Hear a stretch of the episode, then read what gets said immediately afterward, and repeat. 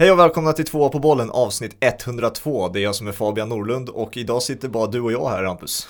Så är det. I studion. Jajamän. Tillbaka igen. Eh, har nästan kört nu ett halvår med gäster varje fredag så att det, det är ju en rejäl omväxling där. Alltså bara köra du och jag på en fredag. Ja verkligen och vi liksom lite old school avsnitt där vi inte riktigt har liksom gått igenom vad vi ska prata om när vi har Exakt. en gäst. Det är ofta ett ganska tydligt ämne så. Mm. Eh, så att det blir spännande att se vad vi, vad vi landar i. Det finns ju trots Trots en avslutad säsong, mycket fotboll att prata om och det är silly season som har dragit igång med eh, besked får man säga.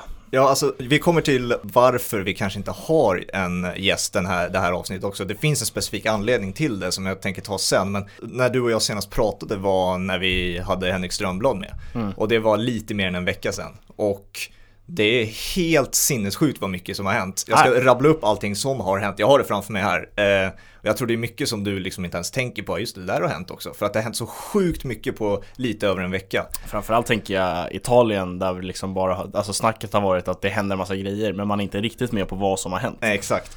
Och ja, det var också det, när, när jag planerade, jag sitter ofta och planerar ihop schemat för hur podden, vad vi ska prata om och så vidare. Och när, när jag tänkte så här, ja men efter Strömblad-avsnittet är Champions League i säsongens sista match, då är det över och sen har vi EM. Så det finns ett uppehåll där som där det inte kommer hända så mycket ändå. Nej. Så det, det gör ingenting om vi tar en vecka ledighet liksom. Och jävlar vad fel jag hade. Så nu, nu ska jag dra allt här som har hänt. Ehm, vi börjar med, Villarreal har vunnit Europa League, Chelsea har vunnit Champions League, Pirlo har fått sparken från Juventus, Juventus har anlitat Allegri igen, Gattuso har fått sparken från Napoli, Napoli har anställt Spalletti, eh, Gattuso är klar för Fiorentina, Conte har lämnat Inter, Simeone Inzaghi sägs vara ersättaren, Zidane har lämnat Real Madrid, Real Madrid har anlitat Ancelotti igen, Agüero och Eric Garcia har lämnat Manchester City och presenterats av Barcelona. Alaba är klar för Real Madrid, Kon- Konate, är det så jag uttalar det? Är- Ja, kör. är klar för Liverpool. Donnarumma lämnar Milan. Hansi Flick är klar för ty- tyska landslaget efter EM. Benzema och Müller och Hummels har gjort comeback i sina respektive landslag. Thomas Tuchel är världens bästa tränare. EM är bara åtta dagar bort och kanske det mest viktiga och den största nyheten som precis blivit officiellt nu när vi tycker på räck. Niklas Bentner har lagt skorna på hyllan. Ja, verkligen. Det är ju fan uh, avsluta med det största definitivt. Nej, men det är ju otroligt vad som har hänt och det är ofta så här i fotbollens värld så är det ju först ofta ganska mycket rykten Mm. och sen dröjer det ett tag tills de presenterar faktiskt vad som har hänt. Men jag Mm. tror just att det här EMet gör att man vill Liksom har man någonting klart då vill man presentera det innan EM Mm. Eller så kommer man vänta till efter EM för man kommer inte presentera så mycket under själva eh, mästerskapet Och det har ju gjort att liksom, ja, tränarbyten har ju gått liksom på fem sekunder känns det som, det har gått så fort eh, Och mest chockad är jag väl egentligen över att Ancelotti är tillbaka i Real Madrid Ja, det gick på ett dygn det där nästan. Ah, Zidane, verkligen. Zidane ut och eh, in, Ancelotti in. Ja, även om det inte liksom, man blir inte chockad över att Zidane lämnar Real Madrid för det har han gjort förut under liksom märkliga ja, förhållanden så att säga att han bara lämnar sådär trots att det går ganska bra. Eh, nu vet jag inte om det gjorde det i år, det blev ingen titel för Real Madrid och det är det Nej. som det är det det handlar om liksom. Men det var ändå känslan att han, ja, men han sitter nog säkert så. Mm. Jag tror inte han hade fått sparken om han inte valde att gå själv.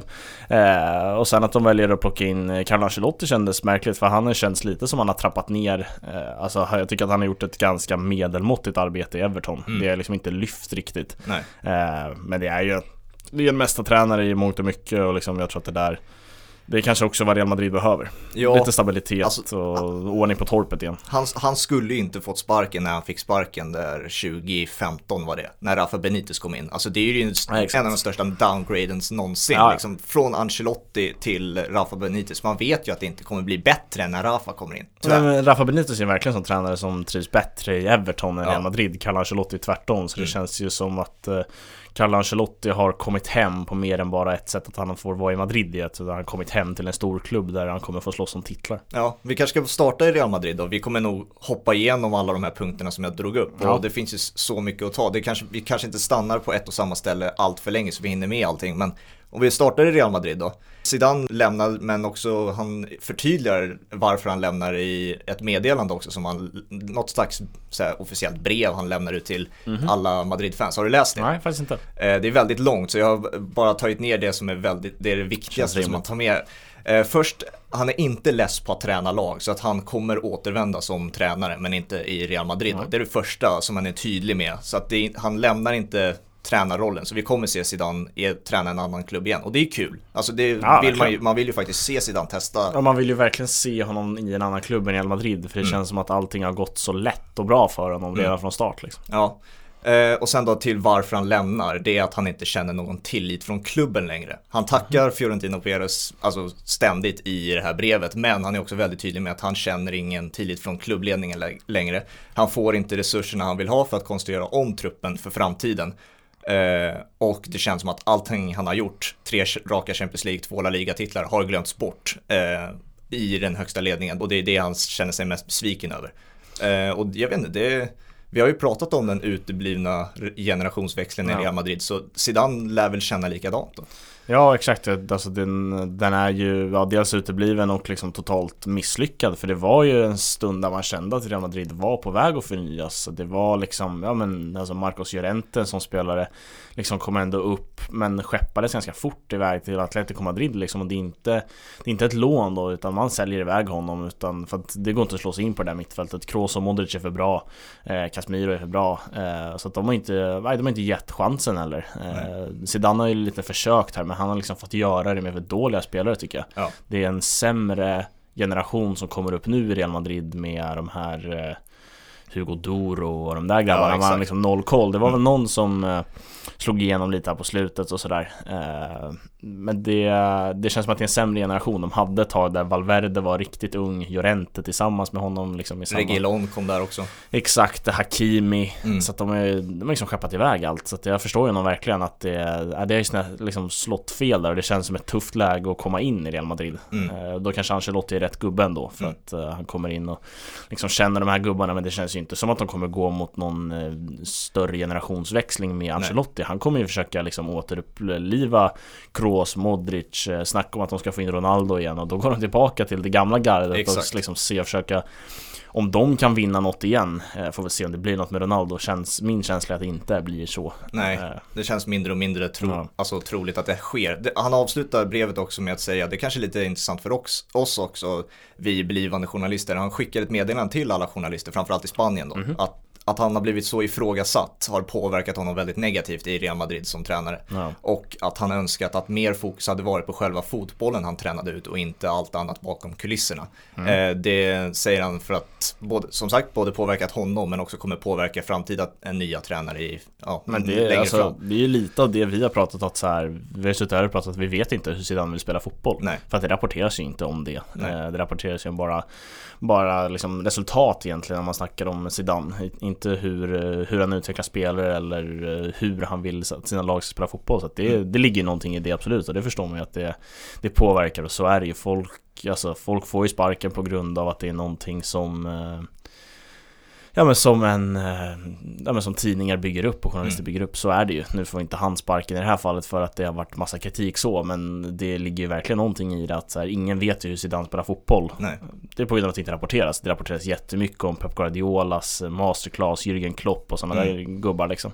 Eh, Så det ligger verkligen någonting i Det det är ju det som är alarmerande också är väl att han, så här, att han känner att han inte har förtroende. Mm. Eh, Hur fan kan han inte ha förtroende? Ja, hur kan man inte backa en sån tränare som han säger också att liksom, hur kan man glömma bort vad han har gjort och vad han har vunnit Mm. för klubben? Backa upp honom fullt ut och Mm. det kan liksom bli lika bra igen. Eh, så att nej, Real Madrid, jag tycker Real Madrid och Barcelona är i eh, så här märkligt dåliga situationer. Barcelona satt sig i en position där man bara värvar bossmanspelare Ja, verkar få liksom ganska bra pröjs på det ändå. Alltså Mm. det blir Memphis Depay kanske, det blir Gino Wijnaldum eh, Erik Cassie är väl inte jättebra men det finns ändå någonting där, en potential att utveckla. Mm. Ehm, Ja det är ju flera gubbar på Bosman Agüero är det ju Ja just det. Agüero framförallt, exakt eh, Som liksom blir Jag hade inte haft något problem med den värvningen ifall det inte vore för att de förra året sålde Messis bästa polare och en, och en ålderman som de såg det ja. och nu köper de in en ålderman som är bästis bästa polare som gör att han stannar Så att det blir så ja, liksom, ni hade bara kunnat behålla Suarez Ja. Eh, Men det, det blir också, man blir spänd på att följa Agüero där eh, Se om han får vara skadefri, vilket han eh, Antagligen inte kommer vara. Nej, det känns inte som det. Men de, de två klubbarna som har varit så tydligt störst i världen sitter i sådana jävla märkliga situationer just nu. Och då, då tror jag att Carlo Ancelotti är rätt gubbe att plocka in ändå. Mm, om vi tar Agüero där, jag är intresserad av vad du tycker. När du ska placera Manchester Citys bästa spelare genom tiderna och det är väldigt enkelt för oss för att de är just på det här årtiondet, alltså väldigt enkelt att placera Ja, vilka det är. Vad rankar du? Agüero? Han har ju absolut det, det bästa moment i hela Citys Ja, historia. verkligen. Men är han bäst genom tiderna? För du har spelare som David Silva, Yahya Touré, Mm. company. Alltså vad rankar du Agüero? Alltså frågan om han är bäst genom tiderna kan man ju hålla lite öppen ändå Men jag vill ändå vara tydlig med att han är störst genom tiderna. Han är Manchester Citys liksom största spelare. Han har gjort mest för den klubben. Eh, Men sen är som du säger, Yahya Touré David Silva. Jag, jag håller nog David Silva som en bättre fotbollsspelare än Agüero Mm. Det tror jag nog att, han, att jag gör Men det blir ju ändå att, som att alltså Agüero kliver ju ändå upp där. Jag tror många håller honom som den bästa för att han är den största. Eh, men eh, nej, David Silva håller jag som en bättre fotbollsspelare i City. Som han var eh, Och sen är det ju Kevin De Bruyne kommer ju där och blir han kvar i två, tre år så kommer ju säkert han benämnas som den bästa Mm. Även om jag tror att Agüero kommer behålla den här största, liksom Citys största spelare ganska, under ganska lång tid för han var med när allting började Alltså Mm. Manchester City började ju någonstans vid, ja, vad blir det, 2010? Alltså det blev en helt annan era, det går inte att jämföra Nej. det Eh, Jag förstår liksom de, de äldre som håller på City, det finns inget man kan göra åt att det blir en miljardklubb helt plötsligt Nej. och de har fortfarande sina hjältar från förr men det går inte att jämföra med de hjältarna nu för att de här vinner här vinner ligor, går ut i Champions League-finaler Ja, och, nej men alltså vad kan man jämföra med? Så här, Peter Schmeichel kom till Manchester City, alltså efter Manchester United och det Ja, var typ han- deras största ikon då. Liksom, Exakt, det, det han var ju Manchester, färdig Ja, det är ju Manchester United-ikon, man Ja. kan inte ha honom som störst i Citys historia liksom. Nej det var ju Fan det var ju någon som gick bort här som var typ deras största Ja, eh, okej. ja som då, det är jag stod dålig på. Ja. Och det var ju liksom Det är ju ännu längre bak eh, Mm. än så Så att nej jag håller Agüero som eh, Manchester Citys största någonsin och Nu blev det inte det perfekta avslutet men jag tyckte att det var fint att han fick det avslutet han fick i eh, I Premier League även om jag inte gillar att se City lyfta bucklor så liksom, det var ganska klart, det var klart ganska länge Mm. Och att han då fick i sista matchen eh, Gå in och avgöra den, eller avgöra, han går in och gör två fina mål liksom och Mm. får avsluta på det sättet eh, I Premier League i alla fall Och eh, man såg att Pep Guardiola var väldigt eh, känslomässig och tagen sådär Så att eh, Agüero är ju Manchester Citys största genom tiderna Ska vi ta finalen då? Som, eh, jag, Herregud. vet, jag vet, alltså det, jag nästan träffade bullseye när, eh, när det kom till min tippning. Jag sa, ett, Verkligen. jag sa 1-0, jag sa att Pep skulle återigen fucka upp det för sig själv, han sätter krokben på sig själv. Mm. Eh, och Thomas Tuchel är briljant taktiskt igen. Ja. Eh, det enda som jag hade fel var ju målskytten, Werner, han sköt ju i luften istället för att Ja träffa exakt, mål. Liksom. han skulle faktiskt kunnat eh, gjort 1-0 tidigare än vad Han Havertz ska gjorde ju fan ha ett hattrick i Ja. den här finalen. Alltså han är så jävligt dålig på att avsluta, det är helt otroligt. Ja, tyvärr känns det som att så här, nu ska han spela ett EM och sen kommer liksom försäsongen, det känns som att det blir inte sådär mycket vila som man kanske har tänkt förut. Bara den här säsongen tar slut så kan han få börja Ja, på ny ja. kula. Mm. Han kommer fortsätta spela fotboll hela tiden och han måste liksom Han måste återställa sig själv. Mm. för att kroppen kommer inte hinna återställa. Den ska ju liksom vara igång hela tiden. Ja, nej men alltså När du ser laguppställningen Alltså Manchester Nej, Citys. jag fatt- alltså, jag fattar inte vad som red, händer. Redan då känner du att han gjorde det, nu, Ja. nu har han gjort det. Eller var det under tiden det, Nej, redan då, jag såg direkt på Twitter att folk liksom direkt, och liksom folk som som oss, alltså vi är intresserade av fotboll och vi kan fotboll ganska bra. Ja. Men vi är inte bättre än Pep Guardiola. Och hur kan då alla liksom i liksom sam, liksom samstämmig stämma säga så här, vad fan gör du Pep? Ja. Alltså vad är det som händer? Ja. Jag såg City-supportrar som bara skickade ut liksom Pep frågetecken, vad, vad är det som sker? Så att det redan direkt då kände man att så här, det där är ett jättemisstag Eh, och jag, jag cashade in på det misstaget. Jag liksom fattade att Gündogan skulle få bli det defensiva navet Mm. och han skulle få stoppa liksom flödet och visst, Ja. visst tog han ett gult kort efter 24 minuter och där Mm. satt man med, med det spelet så det, det tackar vi för. Eh, tackar vi för. Ja. Nej men man känner ju direkt att så här, vad, vad är det som händer? Och snacket tyckte jag, alltså inför mig själv var så här, startar han med båda eller startar han med Rodri eller Fernandinho? Ja. Liksom, hur gör han? Mm. Och han kliver ut och startar med noll och det är så mycket Pep Guardiola. För att han vet ju att alla tänker så. Mm. De tror att jag ska starta med båda eller Ja, en. exakt. Jag startar med ingen. Nej men Titta på mig. Jag ska, jag ska, vinna, det, jag ska vinna på det sättet liksom, som ingen trodde att jag kunde vinna på. Nej exakt, alltså, Och så det, skiter det det fanns ju en intervju där innan med BT, Rio Ferdinand intervjuar eh, Pep eh, lys, Lyssnade du på den inför Nej. finalen? Där frågar Rio Ferdinand rakt ut, för han tänkte väl antagligen likadant som vi Ja. Alltså hur mycket påverkar de här eh, förlusterna mot eh, Torshälls Chelsea exakt, det. Mm. innan? Alltså kommer du ändra någonting? Frågade Ferdinand, han säger nej Alltså Ja. jag kommer hålla mig till mina grunder, förlusterna påverkat, har inte påverkat mig någonting, det här är en annan match bullshit. Rakt i, alltså det är ju det enda han har Ja, suttit och tänka på. Exakt, och det tror jag också att det blir någon så här försvarsmekanism. Att Ja. han känner ju att Torshäll har kommit in i hans huvud. Rio Ferdinand läser av den situationen och då är det bara blåneka. Ja. Eh, och sen också någon så här försök till säkert mörkande av startelva. Mm. Men det var ju bara för Thomas Torshäll att tacka och ta emot när den startelvan kom ut. För han sa väl också så här, jag kunde inte tro min, tror att Fernandinho Nej, inte exakt. startade. Det var väl det Torshäll sa efter matchen, det var helt otroligt. Mm. Ja men det, det var ju verkligen det och det det blir ju väldigt lätt i efterhand men just den känslan som alla hade inför att det här kan kosta och att det sen gör det Det gör ju att man bara så här, ja han liksom lyckas göra det igen Mm. När han är framme i finalen dessutom vilket är helt ja, Det är helt sjukt Eh, Så liksom, ja men att han Han har väl bara vunnit Champions League med Barcelona En gång, ja. Nej, Ja, två gånger. Två gånger. Eh, och liksom det är 10-11 år sedan Mm. och han har försökt så många gånger och att göra det misstaget väl i finalen är Ja, det är oförståeligt och det är något sorts storhetsvansinne vill jag få det till. Och många vill ju ha Kanté till matchens lirare, det var han väl också. Men den som briljerar också på grund av mycket tror jag är för att eh, Fernandinho är borta, det är ju Kai Havertz. Ja, men alltså det- Shit vad han får lira i den där. Det är så sjukt för att det var det första jag sa när Kai Havertz kom till England Man hade följt honom lite i Bundesliga för det var ju en period där Bundesliga gick igång före alla andra ligor efter Mm. covid-breaket Och då blev det en del Bundesliga, man kollade Bayer Leverkusen liksom, det är ett av de bättre lagen Och han är ju som bäst när han får komma i ytan mellan mittfält och försvar Mm. Och den ytan hittade han ganska ofta i, ehm, i Tyskland på grund av att det är liksom, jag inte, det är lite friare där Alltså Ja. det, är inte, det är inte samma strukturella försvarsspel, det, det kan man inte påstå Alltså den ytan hittade han hela tiden och var briljant under, eh, efter covid-breaket där Mm. Och att då ge det till Mason Mount som jag också tycker är lika briljant som Kai Havertz där Mm. Att få, ja men han ger ju ytan till dem. Ja. här, Va- här har ni, vi ställer upp med våra tre mest offensiva centralmittfältare eh, Och typ bara centralmittfältare ut med liksom falsk nia. Och det har han gjort förut så det var inget konstigt. Men han ställer upp med sina tre mest offensiva mittfältare Ger ytan som Mason Mount och Kai Havertz vill ha till Kai Havertz och Mason Mount. Och Mm. ja, det kostar ju. Ja, och så är det är ju också, det talar ju så mycket för att det är ett misstag eftersom att Gündogan är deras bästa målskytt, eller är han fortfarande? Han var en av dem i alla Ja, fall. exakt. Och han, Han sätter man, han sätter man på defensiva planhalvan liksom. ja, jag- Bara en sån simpel sak så att man tänker så här. Alltså jag tänker de som inte följer fotboll lika intensivt som vi eller Pep framförallt eller någon Mm. annan liksom.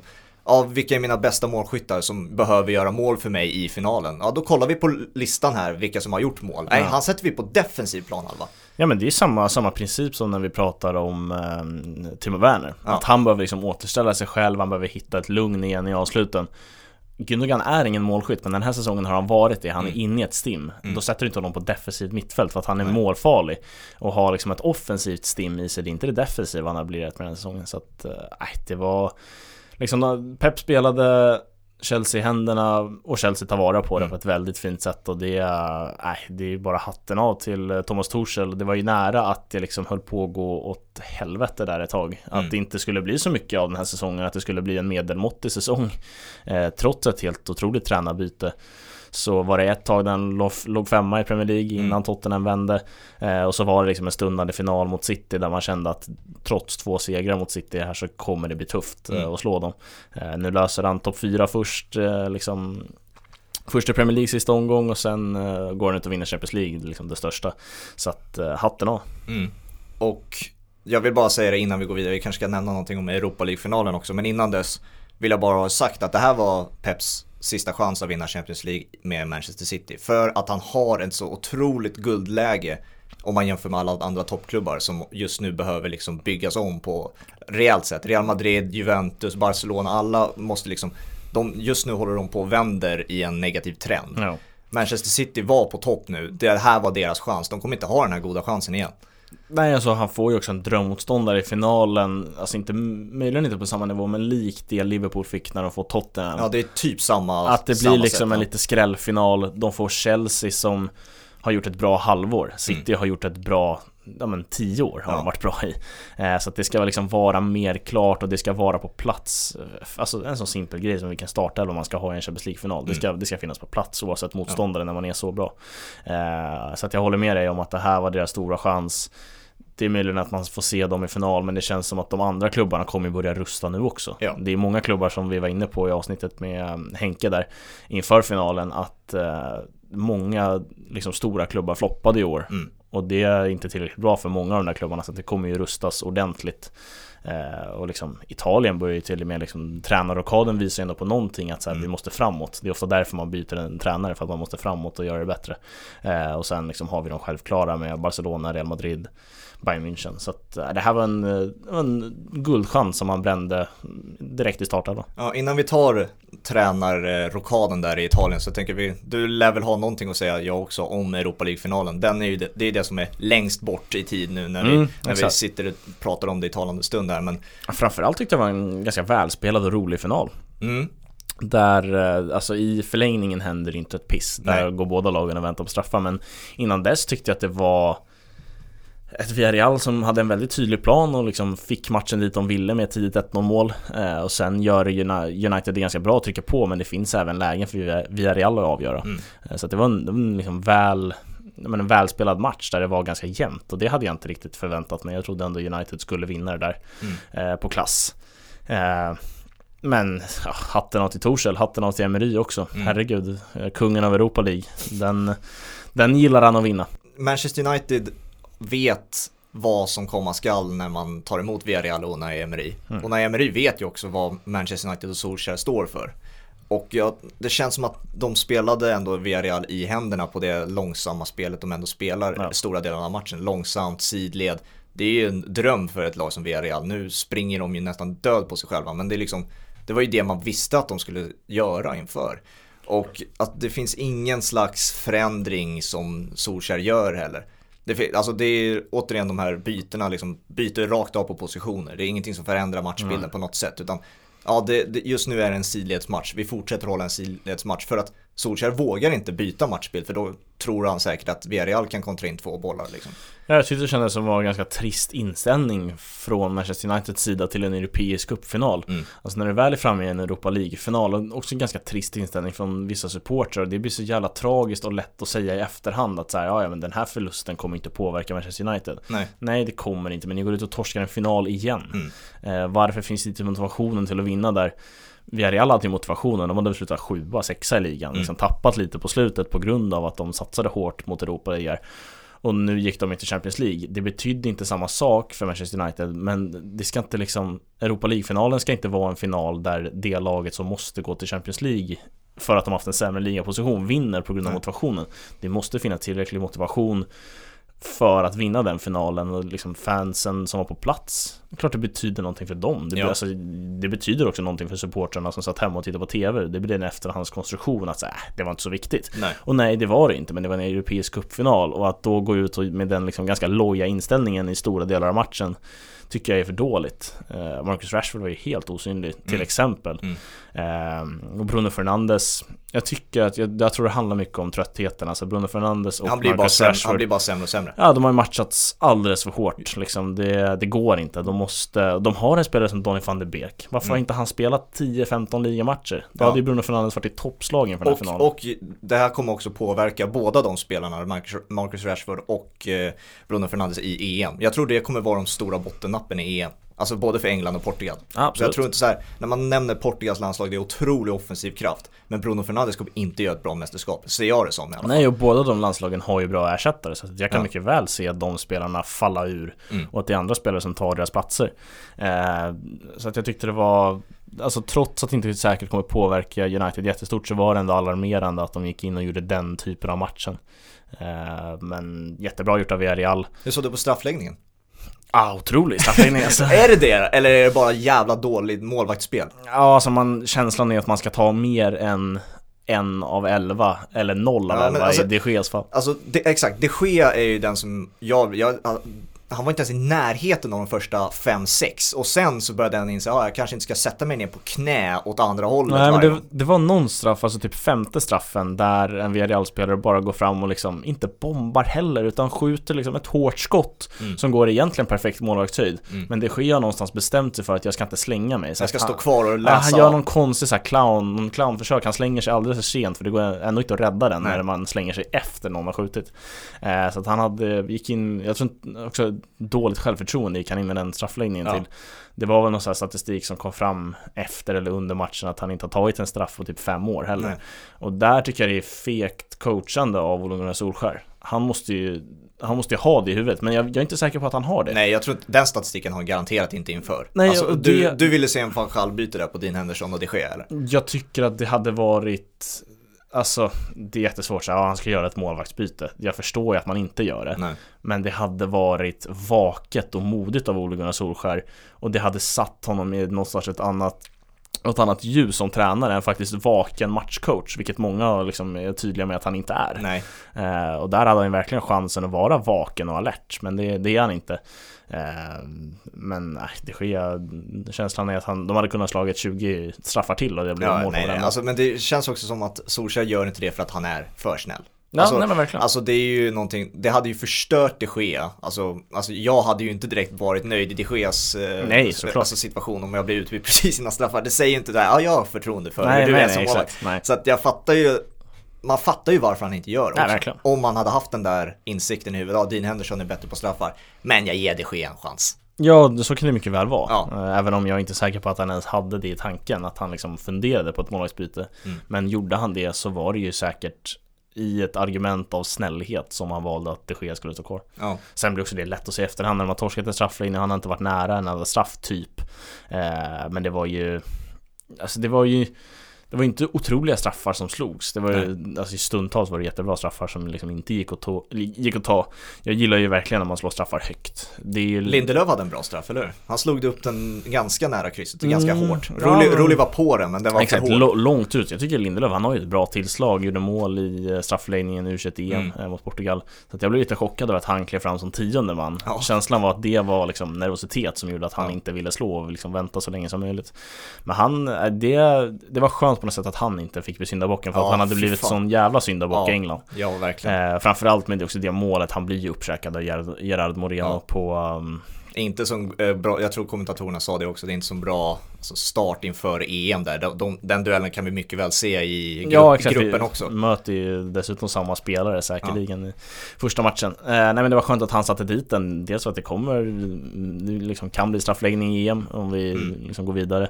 Eh, så det var skönt att han satt- satte dit den. Eh, men jag gillar ju när man slår straffar högt, Mm. dock inte om det är mitt eget lag som gör det. Trots, trots att de ofta går i mål så är det ju, det är läskigt. Ja. Eh, när man ser den liksom dunka upp i taket ganska nära ribban. Mm. Eh, men det var ju någonstans ja, kul att se en sån straffläggning. Mm. Bara mål på mål på mål. Ja, Man det är, ser man inte ofta. nej, man är ganska van, alltså det kan ju bli mer än en miss. Ja. Eh, vanligast är väl typ att man missar i femte omgången. Mm. Eh, men det kan ju bli mer än en miss och här, här satte de eh, hårt och bra. Mm. Ska vi ta oss till Italien? Mm. Eh, Karusellen. Ja, alltså det- det var ju det som var, nu tänkte jag komma till min punkt om varför vi inte har en gäst. För att vi har ju planerat att ha en gäst, vi frågade både Vicky och Mattias Concha inför. När vi försökte boka upp någon, så då, det var då det hände som mest i Italien, Ja. alla de här tränarkarusellerna var igång. Och då tänkte man, det är klart vi ska stanna i Italien. Men sen så kommer alla de här andra nyheterna som vi har varit inne på och därför kanske det blir bättre om liksom vi bara får säga det vi tycker om Ja, allting som exakt. sker just nu i fotbolls-Europa liksom, för det händer en hel del. Och eh, vi, ja, därför har vi ingen gäst idag helt enkelt. Och därför blev både Vicky och Concha, de hade lite annat att göra också. Så att det blir lika Så bra så. Eh, men vad fan börjar man då? Eh, vilken är det som sticker ut mest? Är det Conte, Allegri, Pirlo? Jag vet inte, man börjar ju gärna i Juve. Eh, Och det var ju väntat att Pirlo skulle få sparken. Ja, Eh, sen känns det bara så jävla märkligt att Allegri är tillbaka i Juve efter, vad är det, två, tre år. mm, två år. Där han inte har gjort någonting. Nej. Eh, liksom känslan var att han skulle testa vingarna i ett nytt lag och liksom, att det var liksom därför han lämnade Juventus från första början för att han Mm. inte var så sugen på att träna just Juventus. Sen kan ju det suget komma tillbaka på två år, absolut. Ehm, men det är, är märkligt, men det känns som att det är också någonstans det Juventus behöver. Tillbaka till ordning på torpet, i, Ja. som jag sa i Real Madrid och Ancelottis fall. Strax innan Allegri blev presenterad och strax innan Pirlo blev sparkad också tror jag så var det ju, är det sportchefen som gick, eller var det någon annan eh, ja, i ledningen som, eh, som Ja, valde att kliva av? Jag ja, kommer inte ihåg vilken titel han har. Det är sånt jävla... Det är inte exakt. Agnelli jag pratar om utan det är den andra killen som har varit där i 10-11 år nu. Ja, Pavel Nedved sitter på någon stol. Ja, det är de, har inte så han jävla, de har så jävla många stolar i det där styrelserummet. När Allegri-beslutet togs, då kanske, det kanske var droppen för honom. För jag tror, alltså det är så jävla obalanserat i Juventus. Det känns inte som att någon har koll på vart de vill gå liksom. Vissa vill, jag tror Agnelli står för den här lite mer, de vill gå mot pepphållet Mm. och den här moderna fotbollen och de vill spela i, i Super League och så vidare. Och så är det vissa andra som har Juventus-värderingar liksom, i klubben och föreningen, att de vill bara fortsätta vinna oavsett hur det ser ut. Och ja exakt, det känns verkligen som att det är där det finns en schism, alltså det byttes klubbmärke och det har gjorts mm. tröjor utan ränder och liksom gått ifrån Juventus-identiteten. Eh, Pirlo är väl ändå mycket Juventus-identitet men har inte spelat en fotboll som riktigt präglar det. Eh, Och det är i slutändan det allting handlar om, vad laget gör på plan. Eh, Allegri är ju verkligen Juventus-identitet. Eh, Men det känns som trots Allegri in så står de ändå någonstans mitt emellan. Man vet inte riktigt om de är på väg mot en mer modern väg som många vill liksom kalla den. Eh, eller bara vara Juventus och fortsätta vinna på mm. det sättet som krävs. Mm. Eh, så att det, det blir ju spännande. Ja. Eh, minst sagt att se hur Juventus formerar. Vad har, vad har Allegri kommit med för nya tankar nu på två år? Vad har han mm. sitter och pluggar liksom mer än engelska? Vad, ja, det är det jag är mest taggad han lärt sig, Det är det liksom? jag är mest taggad på att se vad han gör med Kulusevski. Uh, jag bryr mig Verkligen. faktiskt inte vad som händer med alla de där gubbarna. Buffon lämnar ju, det är också en nyhet som jag inte ens drog upp. Liksom, Buffon Nej, lämnar. Uh, han har väl sagt, lite oklart om han har lagt skorna på hyllan. Exakt, jag tror, han, jag tror han bara längtar efter Parma eller någonting. Alltså han, ja, vill, jag, han vill avsluta i Parma. Parma, Parma åkte väl ur också, så det ja, hade ju någonstans sånt. varit fint att han, eh, om han går till Serie B och spelar upp dem kanske. Mm, något sånt där. Det hade varit en fin story. Uh, men det är det jag är intresserad av mest i alla fall, att se vad Agne, äh, Allegri gör med Kul, äh, Kulusevski. Alltså det känns ju som att det kan vara både någonting väldigt bra eller någonting väldigt negativt. Han, han gjorde ju Dybala till en världsstjärna, no. eh, Allegri. Men, Men samtidigt, det... samtidigt Bernadeschi var väldigt bra under Allegri. Och Bernadeschi är ju som jag varit inne på en sämre version av Kulusevski på många sätt. Hur är det Allegri spelar sin fotboll? Dåligt minne av honom. Eh, var det han som stod för diamanten med Marquisio Pogba? Eh, ja, de, i, i första Champions League-finalen som torskade mot Barcelona där, mm. då var det diamanten med ja. Pirlo, Marquisio, Pogba, Vidal. Eh, men sen när de försvann så gick han ju över mer till en fembackslinje. Mm, och jag, jag, tror att det är typ det vi kommer få se igen. Ja. Ehm, det är ju ganska tydligt de positionerna som han, det han lämnade har han fortfarande kvar ja. på många sätt. Ja, ehm, Alexandro och Quadrado kommer vi se som wingbacks. Vi kommer se... Men vi har ju fortfarande Chiellini, Bonucci. Eller Chiellini tror jag lämnar, äh, det, det vet jag. Han kanske lägger skorna på hyllan. Ja, något sånt där. Men det är Delict, Demiral och Bonucci i så fall. Jag tycker liksom. att de har ju, i Delict och Demiral har de ju två riktiga framtida stjärnbackar. Mm. Som är värt att satsa på. Så, det Allegri det han blandar mellan en eh, fembackslinje och lite likt det Pirlo faktiskt har försökt att göra. Mm. Eh, men han, han har ju mycket mer tydlighet i det. Eh, och det, det, går över från en fem till en fyrbackslinje. I offensiven så börjar de kanske med två centrala och det får vi väl se om, om Ronaldo är kvar eller inte. Ja. Ronaldo Kulusevski möjligen längst fram. Dybala är väl där med på något hörn och sen så går det över det var ju det, det var därför Mandzukic funkade så bra i Juventus. För han kunde spela på, på kant, han kunde ja, spela exakt. centralt, släpande liksom. Och Allegri placerade honom där Ronaldo inte var. Eh, och det var ju det Sarri och det var ju det Pirlo inte ville göra. Eh, Mandzukic var ju så jävla fin i vissa matcher som liksom ytterspringare där han kunde mm. lägga ner jobbet. Nu är en, alltså Mandzukic, liksom, som han är, är ju trött. Alltså, ja, helvete vad dålig han var i Milan. Det var, det var smärtsamt att se. Eh, men han var fan otrolig i vissa matcher som vänsterytter. Mm. Men jag är lite svängt i Kulusevski-frågan. Först liksom vill jag ändå ha honom på en kant. Mm. Alltså så att han får vika in med sin vänster och bli lite Robben-esk. Mm. Men jag tror fan jag vill hellre att Allegri satsar på honom centralt. Jag tror att Kulusevski... Det kan bli mer poäng centralt. Ja, jag tror Kulusevski kan vara den nya Mandzukic. Att han är så himla bra på att blanda. Eh, ja, han känns som verkligen så bra på att lägga ner jobbet också. Han är mm. bra taktiskt. Han har ju liksom hela sin fotbollsutfostran egentligen i Italien. Mm. Eh, där liksom han har fått börja spela seniorfotboll i det landet och där, där är det viktigt med att varje gubbe kan sitt försvarsspel. Ja. Det är inte att han är liksom perfekt som, han skulle inte kunna spela ytterback. Det är inte det jag menar. Nej. Men alltså han, han vet sitt försvarsspel och är bra på det. Mm. Eh, så taktiskt är han ju jättebra Kulusevski. Den enda, det som sägs ryktas om, även fast som du har varit inne på, jag inte heller tror på att Ronaldo kommer lämna. Jag tror även att eh, Ronaldos eh, flickvän har gått ut och sagt att, han, att de, flytt, de kommer inte flytta från Juventus mm. och Torino. Men det som har rapporterats om är ju det raka bytet Ronaldo och Pogba. För att Allegri älskar Pogba. Ja. Eh, återigen en spelare som Allegri gjorde till världsstjärna. Även Conte var väl med på ett hörn där. Men eh, Alltså den, den tror jag kan lösa många problem för Juventus. Visst, man, ta, man ju... tappar ju 30 mål per säsong eller 40 per säsong ja, med Ronaldo. Exakt. Men alltså det kan ju stabilisera om det där mittfältet och göra det till världsklass mittfält igen. Ja det känns också som att så här, kommer in en Pogba-typ som är sugen på att spela fotboll Mm. så kan han också göra Weston McKennie, Bentancourt och grabbarna till bättre fotbollsspelare. De Mm. blir ju inte, de är inte världsklass, för att det är de ju långt ifrån idag. Men de blir ju mycket bättre, det har vi sett med liksom andra spelare där van Dijk går in och liksom stabiliserar upp en backlinje och gör dem stabila.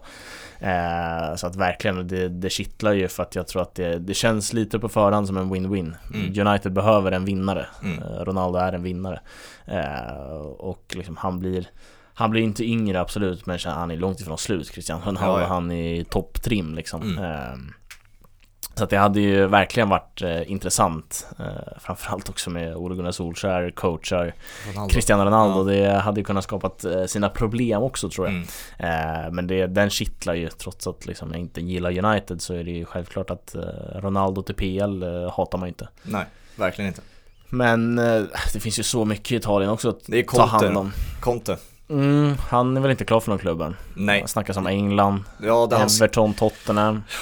Everton ska ju fan, han, ska, han, han är ju, det, han, det är nä, nästan mest garanti på att man vinner titlar om man tar in eh, Conte. Det finns inte så mycket mer, tidigare sa man Mourinho var den garantin, Ja. men nu är det ju Conte liksom. Ja, det, nu senast är väl att han är advanced talks med Tottenham. Mm. Och det var någon, någon som eh, la ut på Twitter också att han hade börjat skriva på engelska Mm, på Instagram. Eh, och det, det ger väl någon ledtråd över att Det är han... det nya sättet liksom och, och så är det ju verkligen. Ja. Det är liksom, jag tror att också spelare och tränare gillar ju att hinta på det sättet Ja. för att de vet att det snackas om Mm. och folk håller koll.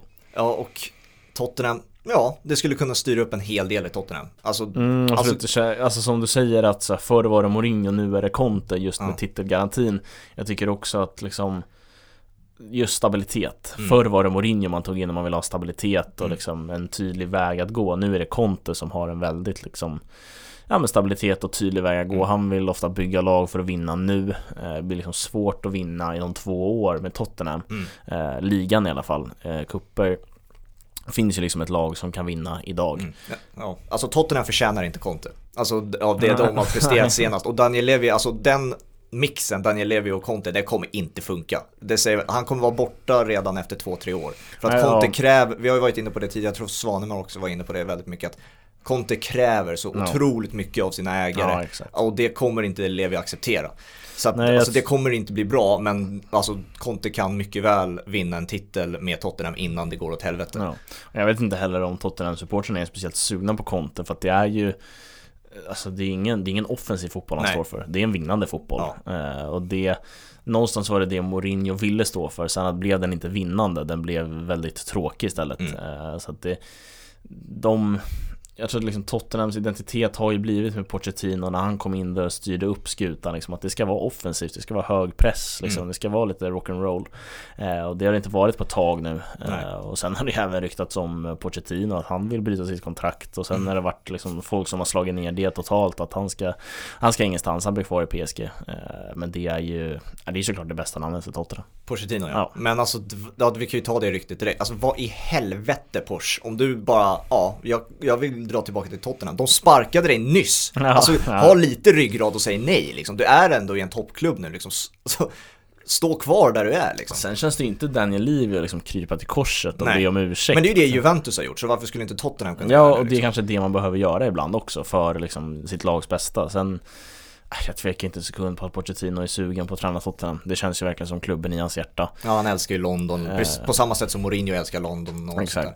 Och skulle han få Harry Kane att stanna också, Mm. om liksom det är det som är dealen så ser jag det inte som någon omöjlighet. Men det är just det, han sparkades nyss, han har tagit PSG, tränat om ett halvår. Mm. Eh, Då är det verkligen en, alltså liksom nästan för stor kärlek till Tottenham ifall han skulle landa där. Mm. För att då vill ju inget annat lag ta honom sen nästa gång han lämnar Tottenham. Nej, vi tänker inte ta dig för att så fort Tottenham-jobbet är ledigt så kommer du gå tillbaka dit. Så Ja, det känns märklig situation liksom. Det är liksom, vi har ju varit inne på Bielsa tidigare och att man ska respektera att han inte tar storklubbar. Nu Mm. upplever inte jag Pochettino som den som vill vara där nere och eh, vara i mitten och Nej, ha de klubbarna. Tottenham var ju det när han tog över Ja. Tottenham. Nu är de ju en toppklubb tack vare honom. Men jag har ju alltid sett Pochettino att han tar nya klubbar för ett steg en mot Real Madrid till exempel. Mm. Det är där han kommer sluta. Och han, möjligen att han landar i ett Juventus innan det, att han landar i ett, jag vet inte fan, Bayern München ryktades det ett tag om också. Alltså om man går tillbaka till Tottenham då kommer det vara, alltså det är inte ett steg bak, det är liksom 20 steg bak i den där jag ser honom sluta om du förstår ja. vad jag menar. Jag, jag ser honom mot Real, mot Real Madrid och toppen. Det är där han vill vara. Det är så jag upplever honom. Men ja. alltså om man går tillbaka till Tottenham, bara, vad fan vill du med din karriär? Tänker jag då liksom. Ja men om man går tillbaka till Tottenham så måste man ju läsa de tydliga signalerna att han inte vill någon annanstans än Tottenham Nej. på något sätt. Alltså så fort Tottenham-jobbet är ledigt så vill han vara där. Mm. Eh, men vet fan, det är svårt att se att det ska hända någonting där ändå. Ja. Eh, det blir väl någon annan tränare och svårt att se att det blir Conte ändå på något sätt Just på grund av det vi pratat om att Livi liksom Alltså i mötena som kommer ju säkerligen Conte vara tydlig med att han vill satsa. Mm. Och ska då Daniel Levy ljuga för konto och säga att ja men vi kommer satsa och sen inte satsa, det kommer ju bara bli skit. Men ja. det hade inte förvånat om Daniel Levy gör det.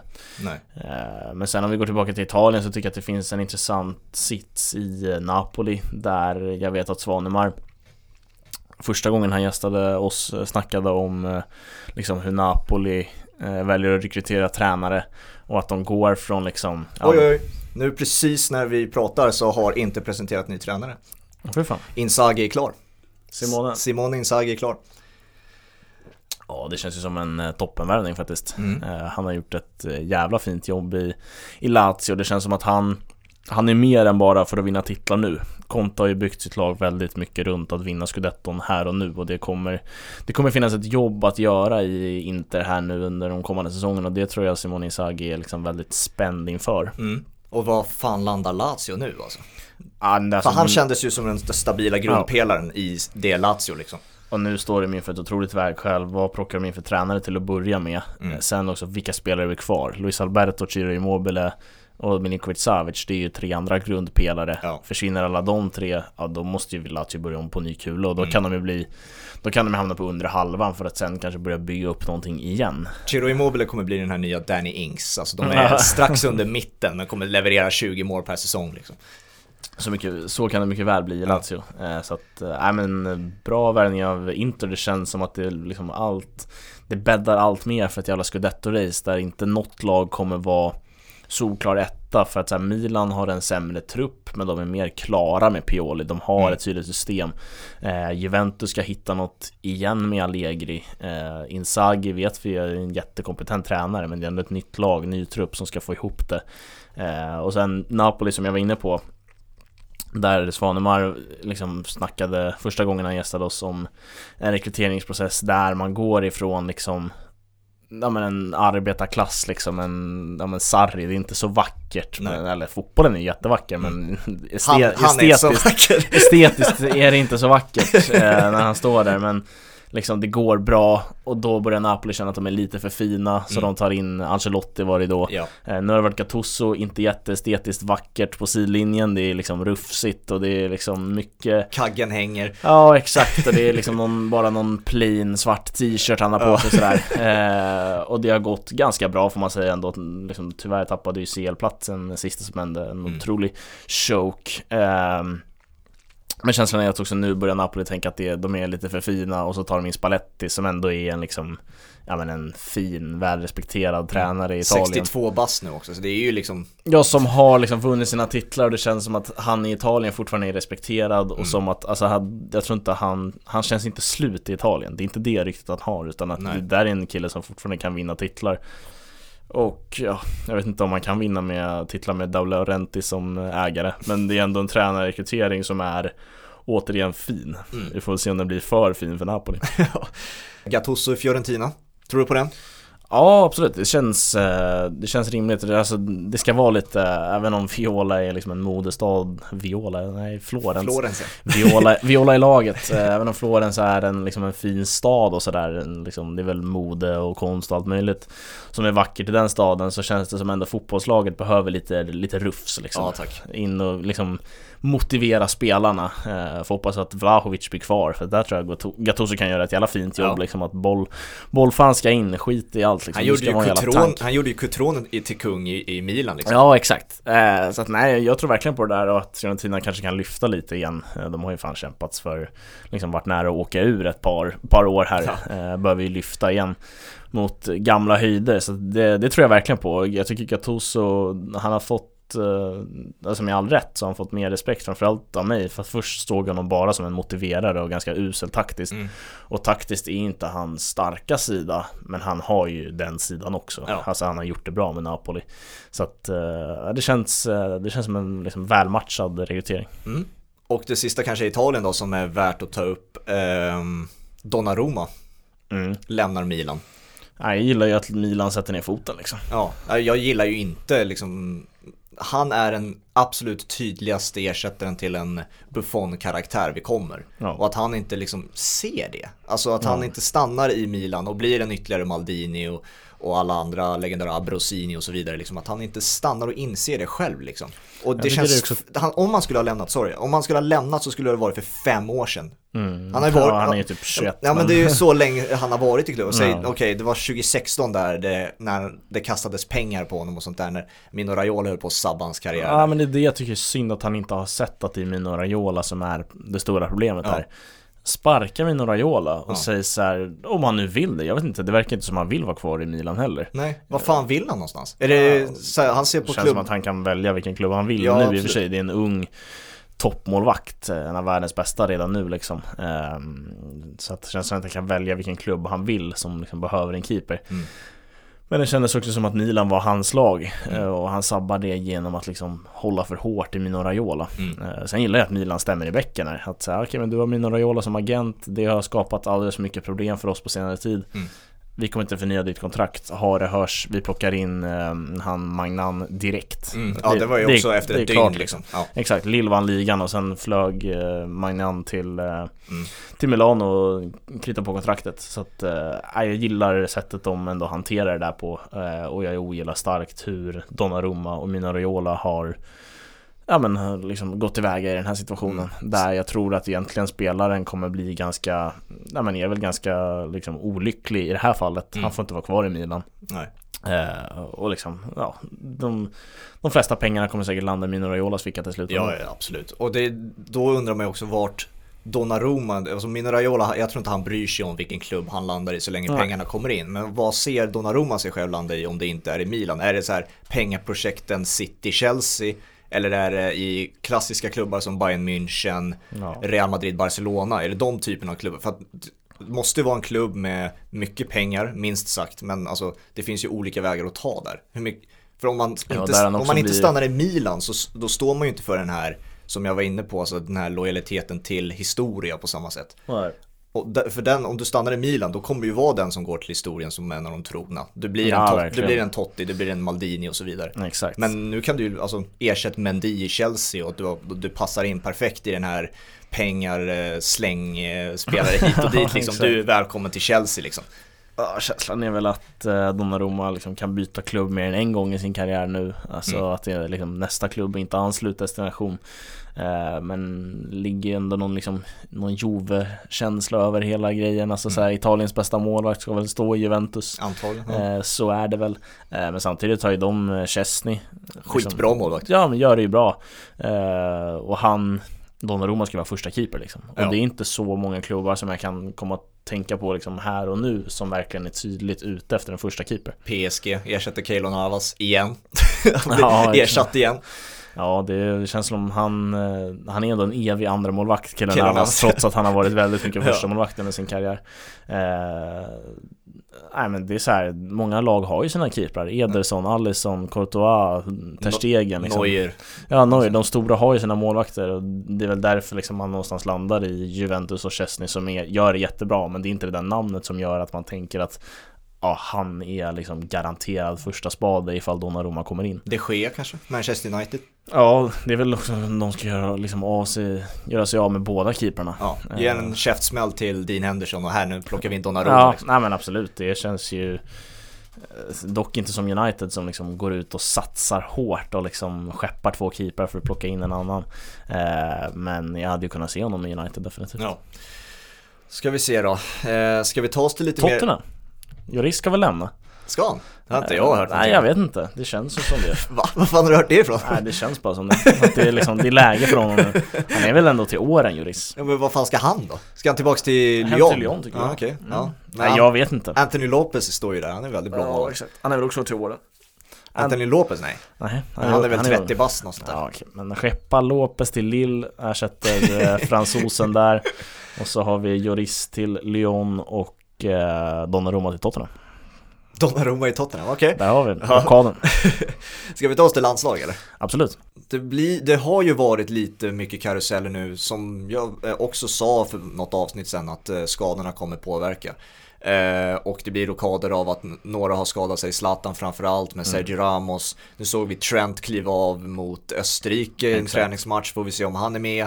Eh, De Bruyne kommer missa första, första matcherna i EM på grund av sin brutna näsa tror jag. Alltså herregud eh, Rudigers, liksom det, det känslan är att det inte går att dela ut rött kort Men jag tycker att den är eh, Ja, den är ful. Den är riktigt ful, Ja. han vet exakt vad han gör Ja. där Och sen är det inte meningen att den ska ta så illa men han eh, Men han stoppar ju ett anfall, det är det han vill göra det är liksom. inte så att han blir chockad över konsekvenserna Nej, det nej. får på De Bruynes ansikte Nej, nej, nej.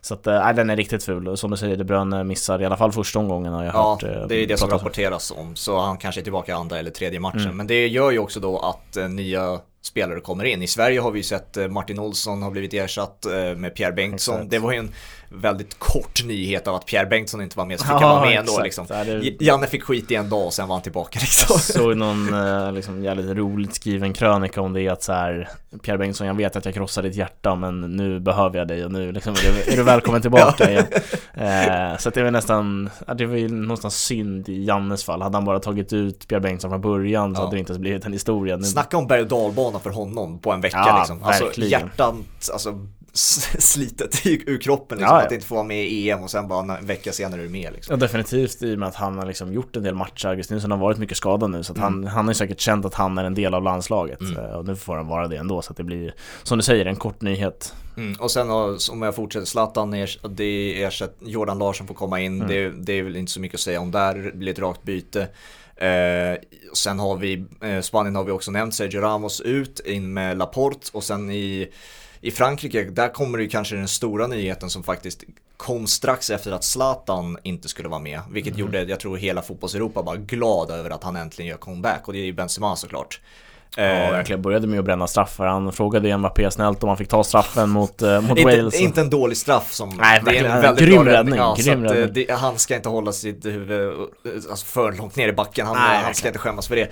Och sen har han ju ett läge där som han slår i stolpen som Koman tror jag, eller är Dembele som Mm, drar in Dembele ju mål. Alltså det, det avslutet och så hur han kontrollerar bollen där, det är så mycket världsklass och det är helt sjukt alltså. Ja, alltså Ka- Karim Benzema ger ju Frankrike en helt ny dimension man inte trodde liksom fanns att ge till det där Nej. landslaget. Man trodde det var komplett och Ja. så kommer man liksom in så, jo men då kanske ändå är Giroud som startar eller är det Griezmann? Så bara, Ja. Benzema kommer upp från Ja, det ingenstans. är helt otroligt. Att han kommer, jag sätter ju mina pengar på att han vinner guldskon i alla fall. Det Mm. tror jag. Lewandowski är ju liksom i Polen, sorry Levan, men det Ja. kommer inte hända liksom. Nej det är väl, det är väl Harry Kane, England, Ja. det ska väl gå långt eh, om de får sina Coming home igen. Ja exakt det Football is always coming home eh, Nej det är ett väldigt bra, ett bra liksom bett att Mm. Benzema vinner skytteligan För att startar han i Frankrike så kommer det göras en hel del mål Ja, det var, senast han var med var ju VM 2014 där innan det gick ut för med Valbuena situationen och så vidare. Mm. Exakt. Men där var han ju också, om Frankrike hade varit ett bättre landslag då, Ja. alltså då hade han vunnit guldskon där. Nu blev det väl Chamez till slut som vann guldskon 2014 där.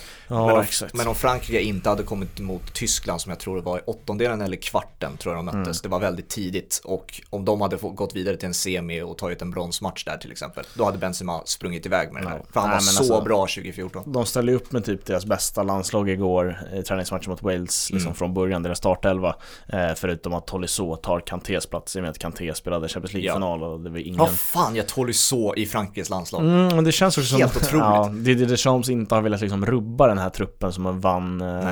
För det är ofta varit, eh, som vann VM eh, som in, Det har ofta varit Frankrikes problem att så här, jättebra trupp men de får inte ihop det liksom kemimässigt. Och de har fått ihop det väldigt bra med liksom hela Mbappé, den här låten där de nämner alla spelare. Ja, Eh, Otroligt bra låt. Mm, otroligt bra låt. Och det har varit Kanté, Ramser och så här. De har fått ihop det väldigt bra och har Ja. väldigt kul tillsammans. Och känslan är att han inte vill rubba för mycket av det.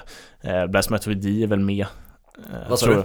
Blaise Matuidi är väl med i truppen tror jag, och han är ju liksom Är han med i truppen? Jag tror det. Nej, det, nej det här måste jag kolla. Han är med, han spelar liksom Inter Miami. Medan du kollar upp det liksom, alltså han, det är Ferland Mendy som inte är med, det är Theo Hernandez som inte är med, utan det blir Lucas Hernandez istället. Eh, Så jag, jag tror liksom, det ligger en väldigt stor känsla i mig över att Didier Deschamps inte vill han vill inte rubba det här eh, laget som vann VM för mycket utan han vill behålla stora delar av det och sen plocka in lite gubbar han tror. Men som du säger, Tolisso Det finns många, det finns många spelare utanför Frankrike som säkerligen hade kunnat tagit hans plats rent kvalitetsmässigt.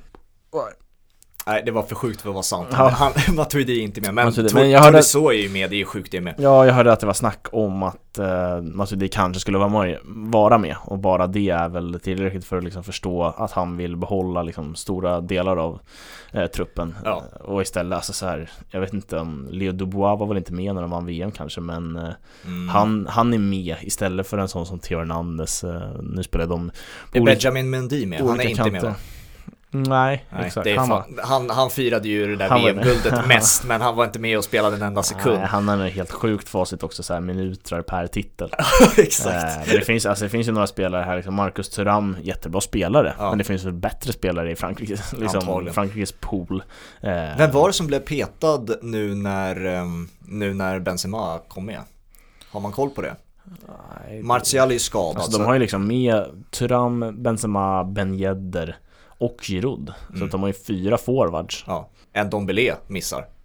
mm. Han har Misos- Moussa Sissoko med Ja, det är, alltså, det är så fel. Det är så fel. Jag vet att vi har diskuterat så här off Alltså när vi inte har spelat in podd Ja. vad, vad vi tycker om Cissoko och Ndombele. För mig är det ju två världar, he, alltså helt Ja, olika spelare. Jag tycker också att den Dombele har ju gått om Ja, på senare år alltså- alltså, Det finns ju så mycket mer fotboll i den killen än Ja. Sissoko Vad fan ska Cissoko, han kommer vara den där som köttar sista 20 liksom och ska jag inte, bidrar han offensivt eller defensivt? Jag vet inte ens vad han Ja, ska jag vet bidra inte, med. möjligen bidra med liksom god härlig stämning i truppen Ja. Om man någonstans har man fått mer förståelse för det efter Jannes eh, uttagning av granen och jag Mm. omfamnar den på det sättet också. Han direkt, han förstod att han var, han var tvungen att försvara den Mm. och jag tycker att han försvarar den på ett väldigt bra sätt och sen kan folk tycka, jaha, ska vi ta med en spelare som inte ska spela? Mm.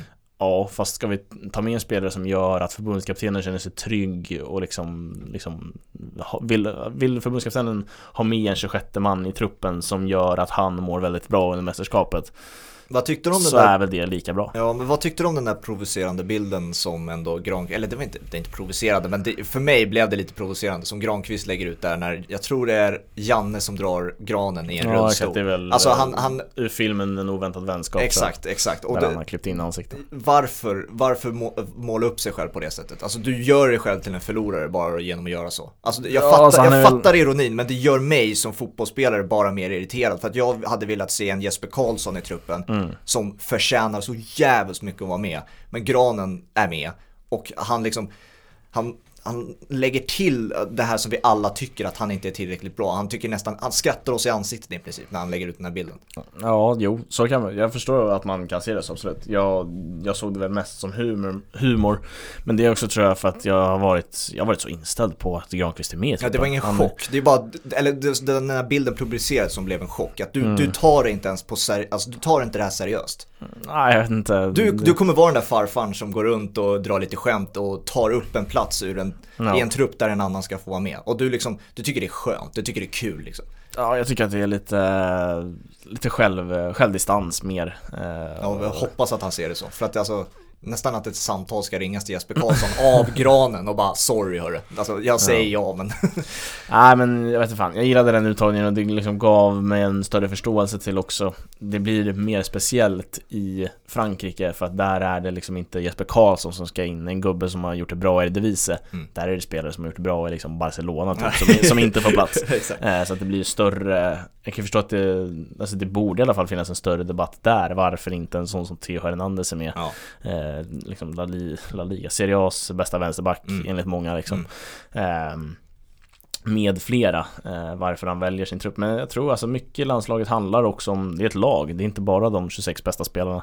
Mm. Eh, och Frankrike, det är inte så att man känner att Frankrikes trupp är lite svag för att de har med Moussa Sissoko och någon mer grabb som kanske inte skulle ha plats om man kollar rent kvalitetsmässigt. En annan trupp det har roterats om då, det är ju eh, tyska landslaget. Och eh, som jag tror vi sa med Kevin för några månader sedan, som vi pratade om, kommer Jogi Löw krypa tillbaka till korset och be de här rutinerade spelarna komma mm. tillbaka. Och det är precis det han gör. Han tar tillbaka Müller och Hummels. Är det någon mer än de två?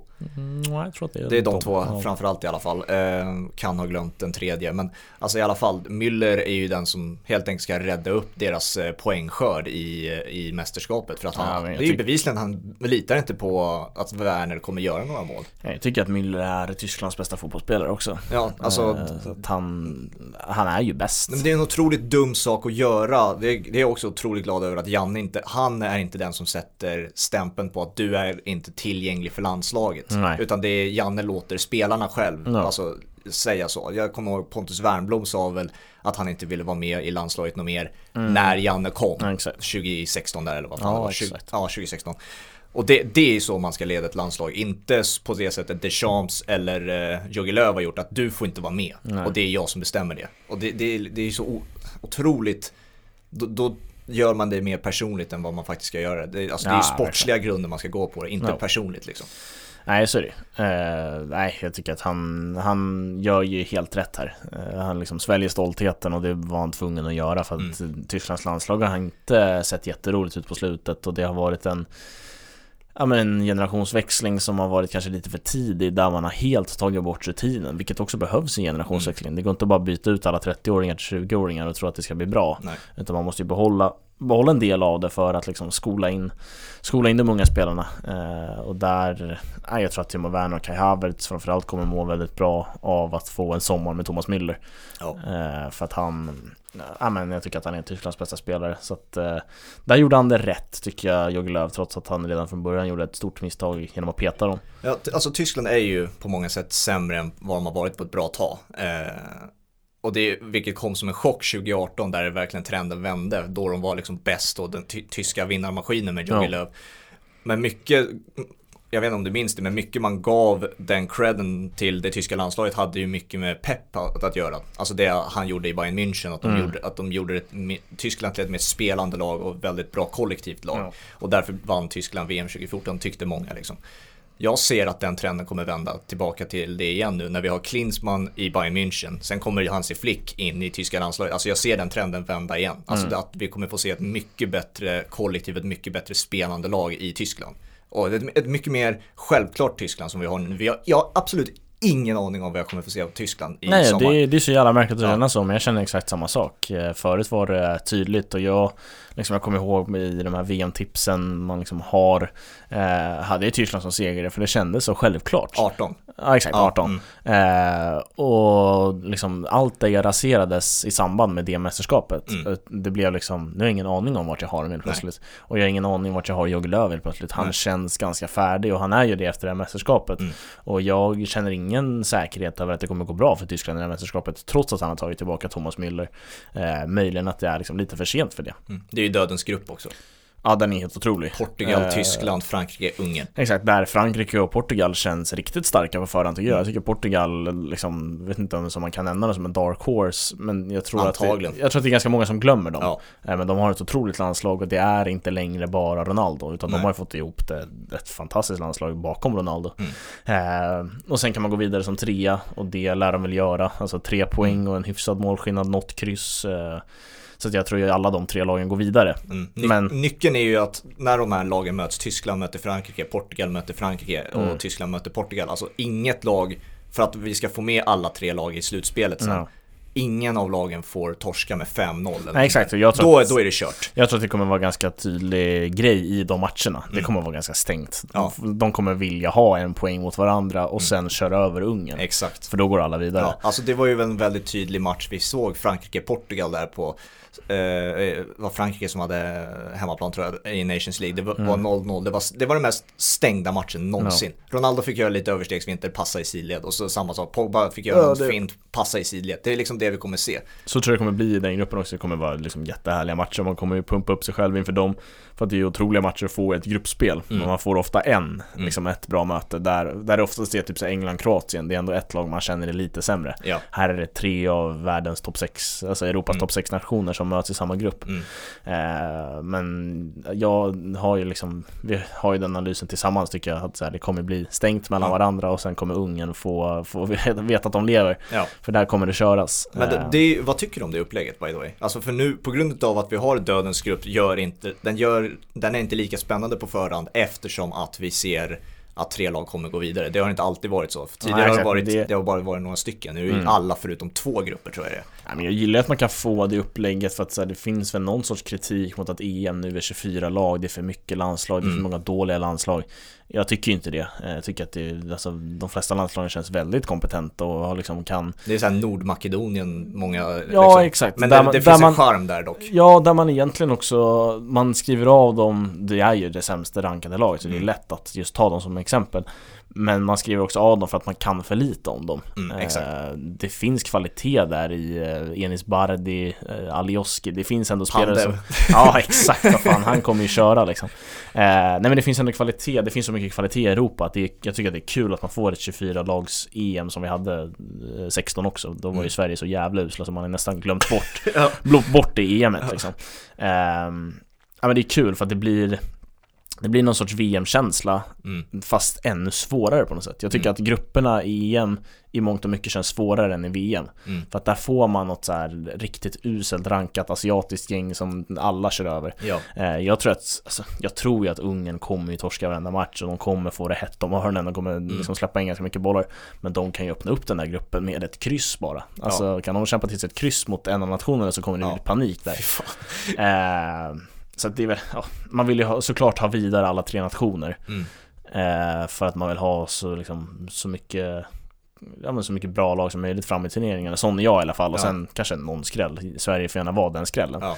Ehm, Nej, det är inte dumt att få, få de matcherna i gruppspelet heller Det, var, det påverkade ju Portugals EM eh, 2016 där med, det, det var Ungern då också, jag vet inte om du Mm, minns den matchen. Eh, Portugal behövde ett kryss på grund av att andra matcher hade slutat på ett visst sätt. Ja. Så behövde Portugal ett kryss för att gå vidare som bästa trea. Och eh, eh, Portugal ligger under två gånger om i den matchen, eller tre gånger om. Eh, och Ronaldo gör två mål och hämtar upp det. Och Ronaldo är, är pumpar ju med adrenalin och vill göra sitt hattrick och så vidare. Så kommer en lapp in på plan från Fernando Santos, alltså tränaren. Och där står, det, där står det på lappen bara håll 3-3. Ja. och Ronaldo blir liksom lack på alltså Ja. vem vill spela mot ett kryss? Och det är väl sådana typer av matchbilder vi kommer kunna se. Ja Alltså exakt, båda där, lagen spelar för kryss. där får man ju verkligen vara med på det liksom om man ska betta eller liksom man ska Mm. sitta med sina kikarsikten, man får vara med på hur läget ser ut i gruppen. Framförallt med de här liksom, situationerna där fyra av sex treor går vidare. Mm. eh, Där det liksom kommer spelas för kryss, det är jag alldeles övertygad om. Eh, Och i den gruppen kommer spelas för kryss redan i första omgången mellan de stora landslagen eh, Nej men det var väl, eh, alltså jag har ju ändå små minnen av, eh, det var ett ganska härligt EM ändå Mm. Trots att alltså, Sverige åkte ut så tidigt så man riktade om fokus där Men eh, Balas Sjudjak är väl en Zuzak ja. en Ja, klassisk, Fy eh, fan vilken vänsterfot han har alltså. Ungerspelare som liksom, han, det är det han har. Han Ja. har ett jävla, en hästspark till skott Ja. och sen vet man inte riktigt vad han har mer. liksom, typ känner igen honom från liksom Fifa-tiderna. Ja, exakt. Jag, vet, Otroliga jag frisparkar. vet inte om han är kvar, han känns, han känns till åren bara för att han alltid har varit med Ja. i landslaget. han är gammal. Eh, det ska bli för jävla härligt att EM drar igång och vi kör ju lite EM-uppladdning eh, Innan vi också tar, eh, tar ett litet break Ja. eh, Så kör vi lite EM-uppladdning tillsammans med Husfeldt nästa vecka Yes. Eh, Så att vi, vi smygstartar EM-uppladdningen lite här och så Mm. får vi höra med en Han ska väl kommentera mästerskapet? Jag Det är tror väl det, det vi får kolla med. Ja. Det är lite oklart vad Husfeldt ska göra nu. Ja exakt, nej men jag tror i alla fall att han kommer kommentera mästerskapet så att det blir härligt att få, få en uppladdning Han Ja. har säkert stenkoll, han har ju gjort, gjort sin scouting, det är jag alldeles Mm. övertygad om Ja, och eh, som sagt därefter så har vi lite break. Eh, två på bollen. Vi har två avsnitt i veckan sen, eh, sen januari liksom. Så att vi har Ja, kört, exakt, en, vi kört rätt hårt. Eh, och vi har, inte, vi har inte haft ett break, vi hade inte ett break förra sommaren heller. Så vi, Nej, det här blir vårt på. första, det blir några veckor vi har eh, planerat ett litet break och sen börjar vi igen när, antagligen när EM närmar sig sitt slut eller nå, någonstans Exakt. där liksom, så kör vi igång igen. Silly ska dra igång igen på nytt och ja, säsongerna drar väl igång ganska fort efter, eh, Ja. efter EM på något sätt Ja. blir det ju. Sen har vi en OS-turnering också. Den eh, ser man inte fram emot direkt. Nej, exakt. Det finns Men, mycket att ta eh, där av också antagligen. Eh, ska vi avsluta där eller? Tycker jag. Bra, bra sammanfattning av en vecka utan fotboll trots att det har varit väldigt mycket fotboll. Ja, helt otroligt. Nu är det ju eh, boxning. Har du koll på vad som händer i helgen? Är det Floyd Mayweather mot Logan Paul? Jag är så jävla taggad, jag ska sitta upp hela söndag natt och Ja, kolla på den där. ja det är, de lyckas ju de där att någonstans bidra till, till en hype. Ja. Eh, Jag har lite börjat syna den och liksom kände när Conor McGregor gick ner, då är, snackar vi ändå UFC och det tycker Ja. jag är roligare än boxning. Eh, Men när Conor McGregor gick i backen där mot Poirier första gången, det är väl dags igen snart. Ja, de ska, det är ett jätteroligt fight, eh, fighting-schema vi har framför oss. Tyson Fury mot Wilder kommer hända i sommar också i juli. Sen har du McGregor också, om jag vet inte om det är juni eller juli. Och sen kommer vi Ant- Anthony Joshua mot Usyk. Ja. Alltså det kommer vara en otroligt rolig sommar med Ja, andra jag, sporter. jag tror inte det blir, eh, kommer bli så mycket pay-per-view för mig, men man följer ju. Det, Ja. Jag vet inte, det är någonting med fightingvärlden som ändå gör att man, man följer det. Varför inte pay-per-view? Du har ingenting att gå upp på på sommaren. Du, Nej men jag menar betala för, jag kände det när McGregor gick i backen och man satt där och betalade 500 spänn bara så här. Fan vad trist då. Man gillar, man, man gillar ju när McGregor liksom på något sätt Att säga nej jag kollar nog matchen i repris i så fall på de små klippen som folk lyckas få ut innan UFC liksom Ja. stänger ner alltihop eh, Så att jag, jag kommer definitivt följa fighting-sommaren Men Mm. kanske inte se matcherna live Nej. Ja, det blir... Men är det Mayweather-Logan Paul, är det liksom en match på riktigt? Eller ska de bara stå och skuggboxas Eh, så att det, ingen regler, dö? reglerna kom ut igår efter, när vi spelar in det här i talande stund då, så det som är, ingen vinnare kommer utses. Ah, okej. Det är ju så fucking tråkigt. Ja. Eh, och sen eh, ingen, alltså, det betyder att alltså inga eh, domare utanför kommer ge poäng. Ja, så att man kommer, aldrig, man kommer inte kunna definiera en vinnare på poäng. Mm. Men eh, eh, knockouts är, eh, Knockouts är det är tillåtet. Så Är det, är, det- det, det är det Logan Paul kommer gå efter. Och Ja. Mayweather kommer dansa där i ringen på, i åtta ronder. Och det är inga avbryt om det blir katt eller sånt där? Nej, jag- nej, det Nej. tror jag inte. Alltså det är en vanlig boxningsmatch fast inga vinnare. Inga, ja, inga poäng. O- oavsett hur många knockouts det är liksom. Nej, det blir spännande. Det är en jävla längdskillnad och viktskillnad mellan de där två. Ja, det ska bli skitkul. Eh, Mayweather är en boxare på riktigt så jag hoppas att han, Han, kom, sänker han kommer antagligen dans. Nej, han kommer inte gå för knockouts. Han kommer gå för dans. Sk- skydda, sitt, skydda sitt ansikte Ja. och ta hem cashen. Ja, exakt. Så är det. Ja, det var lite fighting också, bara avsluta med det. Exakt. Eh, vi hörs igen då, vi får se när det blir, antingen onsdag eller torsdag tror jag nästa vecka. Eh, så att man har lite tid inför eh, EM-premiären så man Exakt. kan smälta det jag, det jag du och eh, Husfeldt har att säga. Sen blir det också ett perfekt avsnitt, även om man inte hinner lyssna på det innan premiären så kommer det ju vara så Vi kommer ju prata om hela mästerskapet så att det Antagligen, kan vara värt att plocka upp även Även när Sverige har spelat sin första och sådana där grejer Det Exakt. kommer liksom inte vara Det kommer inte vara ut, eh, utgångsdatumet kommer inte vara på några dagar på Nej, exakt, så är det. Vi hörs igen nästa vecka, ha det så bra så länge. Jag vet. Ciao!